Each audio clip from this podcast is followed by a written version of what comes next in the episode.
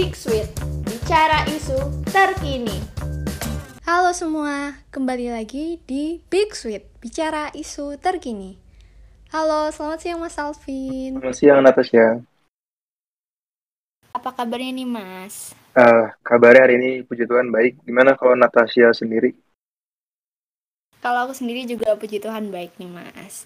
Oke, nggak abdol nih kalau kita belum sapa teman-teman yang lagi dengerin podcast ini. Apa kabar semuanya? Semoga tetap baik dan sehat selalu.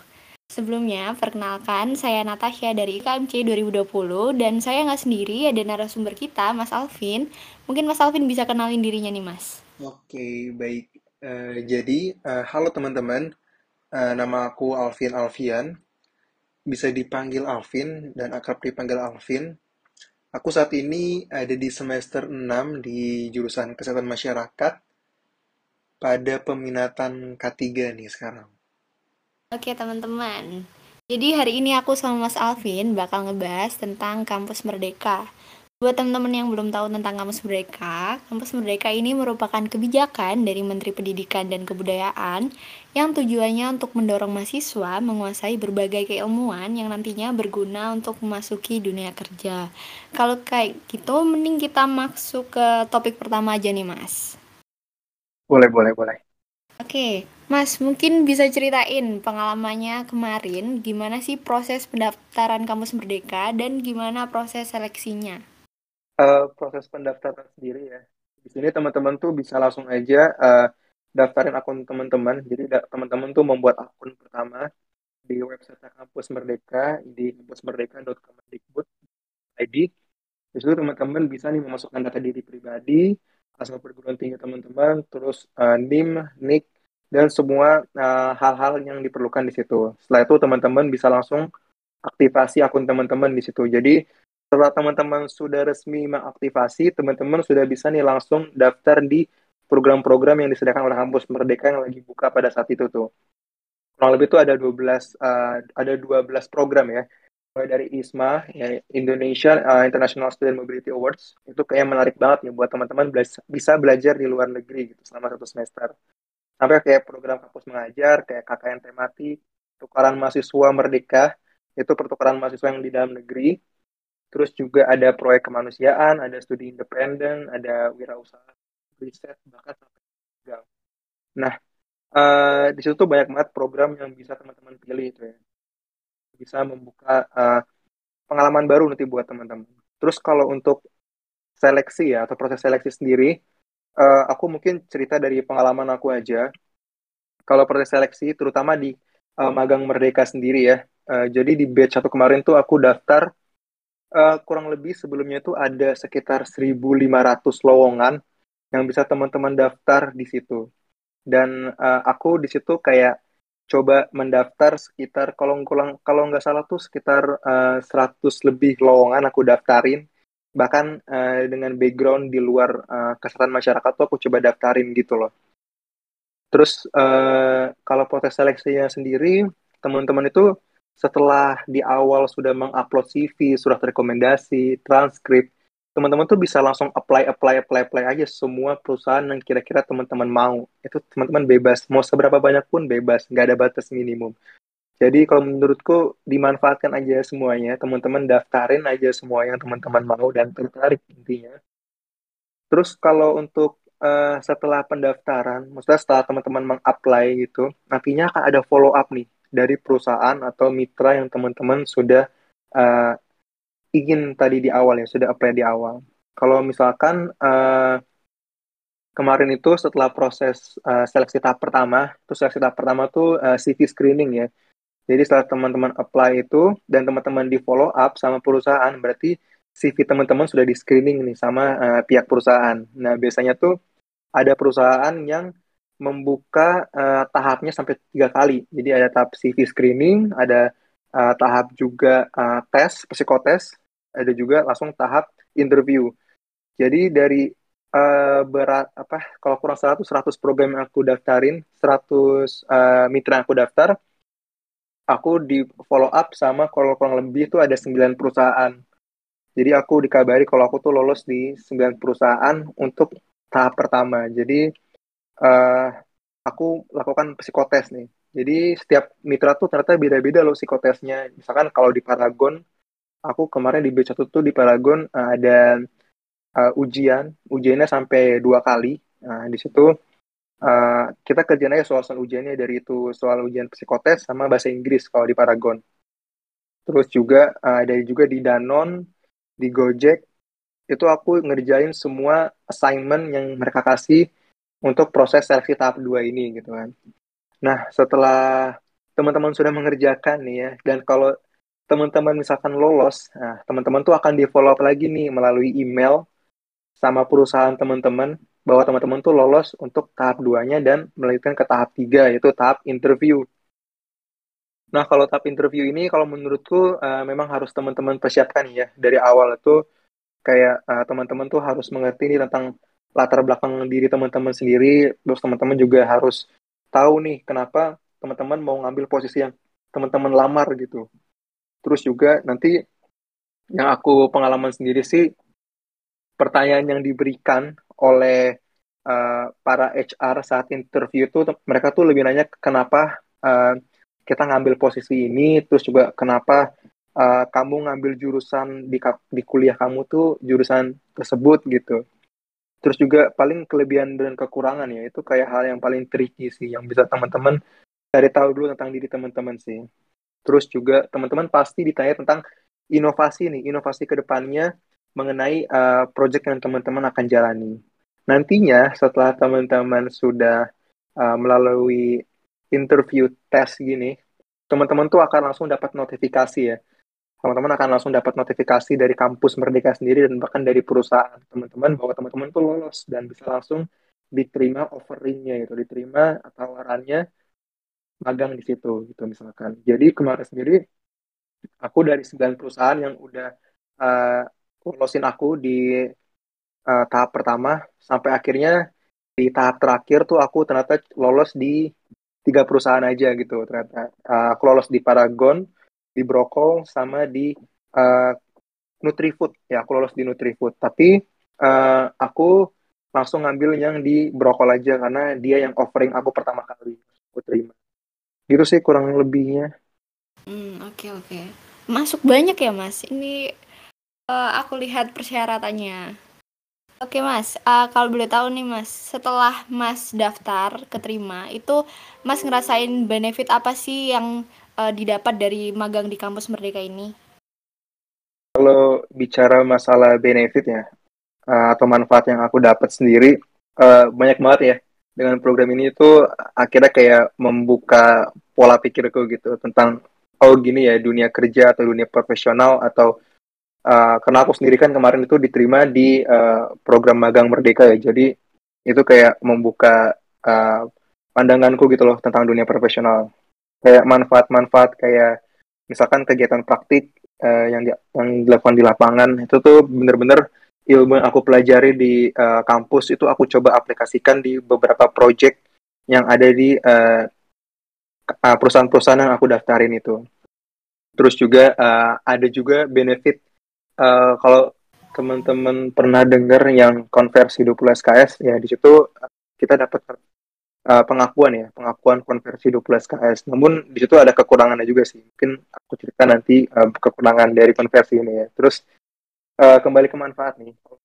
Jadi uh, aku di sini itu bisa mengeksplorasi ya kayak pengetahuanku dan kemampuanku di lapangan. Gitu. Jadi aku bisa belajar langsung di lapangan tuh oh seperti ini ya masalah-masalah ini temui gitu. Jadi aku harus bisa memecahkan langsung masalah itu di lapangan. Terus juga uh, tiga pastinya koneksi ya karena ini hal yang nggak bisa dipungkiri. Ya kayak kalau menurutku koneksi ini tuh uh, salah satu jalan menuju sukses juga kali ya. Jadi di sini teman-teman bisa kenal teman baru gitu ya.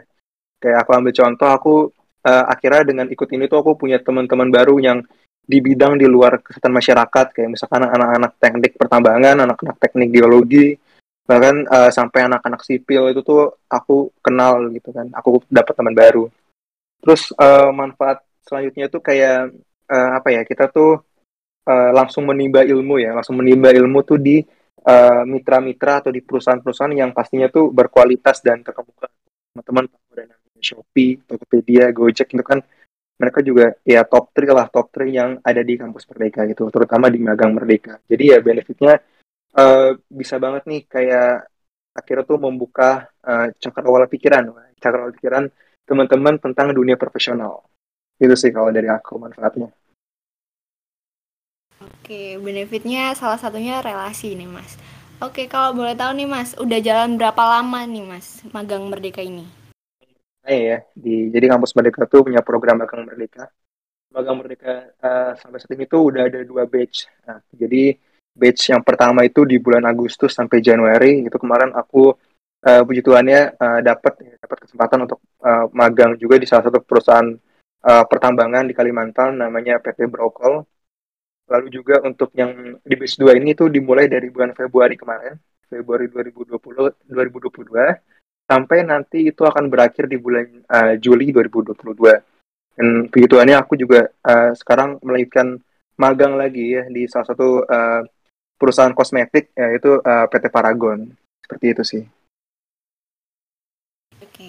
Ada nggak Mas first impression waktu keterima magang kampus mereka ini? Uh, Oke, okay. kalau first impression, uh, aku kalau first impression misalkan kalau misalkan aku udah keterima ya, masuk saat, saat aku udah keterima tuh first impression tuh kayak aku tuh agak kaget ya sama ke dunia pekerjaan gitu ya, kayak oh ternyata dunia kerja tuh kayak gini ya gitu, kayak dunia profesional tuh gini ya, di mana tuh uh, kita tuh bener-bener dituntut buat uh, yang namanya tuh mengembangkan masalah sendiri, terus memecahkan masalah sendiri, mencari masalah itu sampai uh, gimana uh, strategi kita nih untuk uh, memecahkan masalah tersebut. Jadi benar-benar kita tuh kayak dilepas, kita tuh diminta untuk bereksplorasi sendiri gitu. Jadi kayak first impression aku tuh aku agak kaget sih, tapi uh, lama kelamaan tuh kayak uh, mulai terbiasa karena memang ada bimbingan juga nih dari mentor-mentor. Jadi setiap mahasiswa akan dapat mentor dan menurutku uh, kalau udah sekali ikut pasti akan ketagihan sih. Gitu sih. Oke, berarti awalnya uh, sempet shock, terus akhirnya ya, udah lumayan enjoy nih. Benar. Oke, kan tadi kita udah ngebahas tentang benefit juga tuh. Kalau boleh tahu uh, kekurangan dari uh, kampus Merdeka ini apa sih, Mas? Oke, okay. oke. Okay. Kalau bahas masalah kekurangan ini, uh, kalau yang aku rasakan sendiri ya, dan beberapa teman-teman aku rasakan sendiri mengenai kekurangan uh, yang menurutku masih wajar sih untuk untuk sebuah program yang memang baru diluncurkan gitu ya. Kalau yang pertama sendiri kita ambil contoh yang kecil dulu kali ya, yang misalkan ada di lingkungan uh, fakultas atau di lingkungan kampus. Yang aku rasain sendiri ya, kekurangannya itu uh, pertama itu karena program ini masih baru, jadi uh, kemarin itu oh ya ini ada keterkaitannya sama, sama konversi 20 SKS. Jadi memang uh, karena aturannya masih baru dan juga programnya masih baru, proses konversi itu rasanya jadi uh, berbelit-belit ya dan sulit sebenarnya. Jadi aku cerita sedikit. Jadi untuk program eh untuk proses konversi ini uh, kita tuh diminta para mahasiswa diminta untuk uh, mempresentasikan untuk mempresentasikan uh, kepada PJMK PJMK uh, mata kuliah yang mau kita konversikan gitu mengenai keterkaitan uh, program yang kita jalani dengan mata kuliah tersebut. Uh, sejauh ini sih uh, yang aku konversikan yang aku ajukan itu uh, diterima ya oleh PJMK. Uh, cuman waktu batch satu kemarin itu uh, hanya kita diminta untuk uh, mengikuti magangnya saja. Mungkin hanya beberapa dosen yang meminta kita membuat tugas itu satu tugas kemarin kalau aku nah, dari mata kuliah uh, manajemen resiko K3 itu kalau teman-teman kenal Pak Dani ya beliau tuh meminta sama aku buat uh, membuat dokumen uh, perusahaan dokumen keselamatan mereka diserahkan kepada Dani gitu. Uh, kemarin itu kesepakatannya cuma itu aja. Nah, pas program itu sudah selesai di batch pertama, tiba-tiba tuh uh, kami para mahasiswa tuh yang uh, di FKM itu diminta untuk membuat laporan di semua mata kuliah yang uh, kita konversikan gitu kan. Jadi kayak kenapa nih tiba-tiba gitu kan. Tapi uh, memang kalau menurutku itu sebuah hal yang wajar ya karena uh, mungkin ini pertama kalinya uh, program ini berjalan dan juga FKM ini masih menyesuaikan gitu. Tapi sejauh ini yang kurasa sih uh, laporan ini memang uh, sebagai bentuk pertanggungjawaban ya. Jadi memang mungkin harus wajib dibuat sih. Jadi uh, itu kekurangan yang pertama itu. Untuk kekurangan yang kedua, uh, mengenai kampus merdekanya sendiri ya. Tadi kan udah mengenai lingkup fakultas. Nah, kalau mengenai lingkup uh, kampus merdekanya sendiri, uh, ini nggak cuma dirasain sama aku doang. Ternyata hampir semua mahasiswa yang mengikuti program kampus merdeka itu merasakan hal yang sama, yaitu uh, mengenai mobilisasi atau berangkat. Jadi kemarin karena uh, di B1 itu aku magang di luar kota yang ada di Kalimantan Timur, Uh, jadi itu uh, pastinya harus berangkat dong naik pesawat ya kan. Nah di sini itu uh, kemarin itu prosesnya itu pakai namanya reimbursement. Jadi uh, dari kami dulu dari kami mahasiswa yang membeli tiketnya nanti baru diganti oleh uh, pihak PDP gitu ya, Kemendikbud gitu. Nah uh, sayangnya sampai sekarang itu proses reimbursementnya itu uh, belum uh, selesai. Jadi kami para mahasiswa itu belum menerima uh, uang pengembalian ya atau reimbursement dari uh, LPDP sendiri sampai saat ini. Uh, padahal program magang itu sudah selesai di bulan Januari. Namun uh, proses itu masih belum selesai. Lalu juga yang kedua itu ada uang saku nih. Jadi uh, bukan hanya aku lupa ya. Tadi itu ada manfaat lainnya ini ada uang saku nih. Jadi uang saku ini itu uh, kekurangannya di batch yang pertama itu uang sakunya suka terlambat gitu. Jadi uh, karena memang uh, kan kita tuh diberi pemahaman bahwa setiap perusahaan itu ternyata memberikan uang saku kepada anak magangnya itu beda-beda ternyata. Nah makanya itu itu yang membuat hambatan gitu loh kayak hambatan uh, dari LPDP, LPDP sendiri untuk uh, menyerahkannya ke masing-masing anak. Jadi kayak perlu waktu. Terus ya di situ kami memaklumi gitu. Lalu di batch kedua ini uh, kendalanya mengenai uang saku itu uh, uang saku kami itu dirapel jadi kami kan magang lima bulan. Uh, jadi untuk uh, uang saku pertama kami itu langsung dirapel tiga bulan, uh, tiga bulan pertama sama dua bulan sisanya itu dirapel. Jadi kayak kalau menurut aku sendiri ini agak menyulitkan ya, apalagi kalau kita misalkan tinggalnya jauh gitu, tempat jauh. Jadi uh, ada kita harus mengatur strategi lagi nih untuk bertahan hidup uh, di jauh dari orang tua gitu sih. Kalau untuk kekurangannya itu aja sih dari fakultas dan juga dari kampus merdekanya. Oke, teman-teman kayak udah diomongin sama Mas Alvin dari kekurangan yang pastinya dari kampus Merdeka ini. Uh, Oke, kalau boleh tahu nih Mas, kan aku lihat nih Mas Alvin aktif banget ngikutin banyak kegiatannya. Uh, terus gimana sih cara Mas ini bagi waktunya antara kuliah sama kegiatan-kegiatan lainnya? Oke, Oke okay, oke. Okay. Kalau untuk uh, pembagian waktu gitu-gitu, aku itu apa ya? Aku tuh orangnya kayak uh, kalau memang ini udah tanggung jawab, aku jalanin gitu ya. Jadi kayak misalkan kalau pembagian waktu sih ya.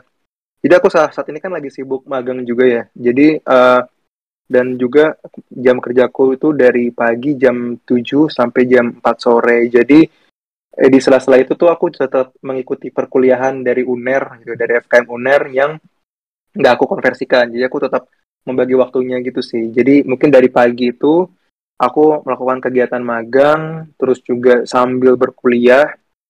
Uh, di sini tuh aku uh, usahakan untuk tetap efektif ya. Jadi aku kayak pembagian jam itu loh. Dari jam 7 pagi sampai jam 10 pagi itu aku fokus dulu di perkuliahan tapi ada di kantor gitu. Terus nanti dari jam 10 sampai jam 2 siang itu aku fokus mengerjakan project-project magangku Terus nanti di sisa waktu itu aku coba menyelesaikan tugas-tugas kuliahku. Baru nanti di sore harinya tuh aku melanjutkan uh, perkuliahan di kampusku yang satunya. Jadi kayak di satu hari itu aku usahakan buat uh, produktif gitu sih. Tapi ya uh, tidak tidak menutup kemungkinan juga ya. Uh, pasti ada satu hari tuh kayak capek atau males gitu. Tapi uh, di situ sih tantangannya kayak kita challenge diri kita sendiri buat kayak uh, yaudah ini ayo kita jalan kita udah ambil keputusan ini kita harus jalani gitu sih. Jadi aku tuh uh, usahakan di Sabtu Minggu tuh uh, kosong gitu ya. Kayak jangan sampai ada kegiatan-kegiatan yang uh, mengganggu uh, ketenangan diri gitu. Kecuali kalau emang tugas kuliah sih. Gitu sih kalau aku. Oke, okay, oke. Okay. Keren banget, padahal aku lihat nih padat banget juga. Oke okay, mas, uh, boleh dong uh, minta tips and tricks untuk lolos ke kampus merdekanya? Oke oke. Kalau tips and trick ya, tips and trick ini agak agak tricky sebenarnya. Tapi kalau menurutku ini yang pengalamanku aja ya. Kalau sendiri, uh, boleh, boleh. hal yang pertama itu teman-teman harus memahami apa ya minat teman-teman sih ya. kan uh, di sini kita udah tahu ya uh, semua di kampus mereka tuh banyak program ya ada kalau nggak salah tuh ada 12 program ya dari pertukaran mahasiswa magang studi independen dan situ teman-teman coba uh, mencari tahu nih minat teman-teman tuh lebih ke mana ya? Bahkan di kampus merdeka sendiri aja itu ada yang uh, kewirausahaan gitu ya. Ada program kewirausahaan ada program pengembangan diri itu kayak oh ternyata sebanyak itu dan seluas itu. Nah situ teman-teman mulai menetapkan di dalam diri teman-teman kayak aku tuh lebih tertarik sama yang ini loh, aku tuh lebih tertarik sama yang magang gitu loh misalkan. Nah, setelah teman-teman sudah menentukan nih minat teman-teman, masuk ke tahap kedua itu coba teman-teman uh, mencari tahu, gitu, meng mengasah skill dan uh, baik itu soft skill dan hard skill teman-teman mengenai uh, hal yang teman-teman minati. Aku ambil contoh misalkan aku minat banget nih di magang nih, coba aku cari tahu ah di posisi ini tuh ternyata oh ternyata kualifikasi yang dibutuhin tuh harus uh, harus bisa desain atau harus bisa mengerti tentang peraturan ini. Nah, itu coba teman-teman cari tahu, teman-teman pelajari, teman-teman gali lagi. Ketiga, itu teman-teman bisa uh, triknya itu coba cari perusahaan yang kira-kira menurut teman-teman tuh kredibilitasnya bagus gitu ya. Bukan berarti perusahaan-perusahaan atau misalkan program program-program yang ada di kampus mereka tuh ada yang kurang gitu kan. Kembali ke jadi kalau menurutku teman-teman coba ya cari kredibilitas perusahaan yang sekiranya baik nih khususnya untuk di magang coba cari yang menurut teman-teman kayaknya wah kayaknya ini perusahaan yang aku banget gitu loh itu nanti itu akan mendorong untuk jangka panjang uh, pengalaman teman-teman ke depannya itu sih jadi coba uh, itu diperhitungkan juga lalu yang keempat kayaknya CV itu juga perlu di, disiapkan sih ya. Tapi uh, aku pun waktu pendaftaran kampus Merdeka itu nggak menggunakan CV yang namanya CV ATS gitu sih. Aku masih menggunakan CV kreatif. Tapi uh, di luar sana memang banyak sih teman-temanku yang mendaftarkan dirinya menggunakan CV ATS ya. Tapi uh, kembali sih ke uh, kualifikasi dari mitra teman-teman itu mintanya apa. Tapi kalau dari kampus Merdeka sendiri sih dia mintanya uh, CV aja ya tanpa embel-embel kreatif atau ATS gitu sih. Jadi menurutku CV itu juga uh, perlu dipertimbangkan. Kayaknya nggak usah muluk-muluk CV yang harus panjang dua halaman, tiga halaman. Kayaknya nggak perlu ya CV satu halaman. Yang penting padat aja teman-teman bisa menjelaskan di setiap uh, posisi teman-teman tuh ngapain aja itu tuh udah bisa menarik banget perhatian dari para HR HR perusahaan gitu sih kalau dari aku. Oke teman-teman itu tadi tips and tricks uh, untuk lolos ke kampus Merdeka. Oke mas, uh, kalau misalnya nih kita uh, pengen tanya-tanya lebih lanjut, boleh nggak DM nih mas? Oh iya. Buat teman-teman yang masih pengen tanya-tanya lebih lanjut tentang kampus Merdeka ini? Boleh, boleh. Boleh banget DM ke Instagram aku ya, ke DM Instagram aku uh, namanya Captain to Max. Atau teman-teman bisa langsung DM di LinkedIn aku di Alvin Wiono. Itu teman-teman bisa langsung DM ke aku dan nanya-nanya seputar kampus Merdeka. Aku terbuka banget sih buat sharing-sharing pengalaman dan juga uh, ilmu gini kayak ternyata semua anak FKM tuh harusnya bisa ikut coba uh, peluang ini loh. Ini kayak peluang yang bagus banget gitu sih. Jadi teman-teman bisa reach out aku sih gitu Oke, benar teman-teman. Kalau misalnya kalian tertarik untuk daftar kampus Merdeka ini, bisa banget uh, kalian langsung hubungi Mas Alvinnya atau tadi yang kita udah omongin ini dicatat supaya kalian nantinya juga berkesempatan menjadi salah satu bagian di kampus Merdeka ini. Oke, Mas, makasih Mas Alvin udah mau meluangkan waktunya jadi narasumber di podcast kali ini ya. Oke, iya terima kasih juga nih aku ucapin ya buat Natasha uh, yang udah uh, menyempatkan waktunya juga ya dan semua tim yang ada di balik layar. Terima kasih banyak buat kesempatan sharing-sharing ini ya. Oke teman-teman, demikian tadi kita udah sedikit sharing-sharing tentang Kamus Merdeka. Terima kasih telah mendengarkan podcast Big Sweet minggu ini. Sampai jumpa di lain waktu. See you. Dadah semuanya.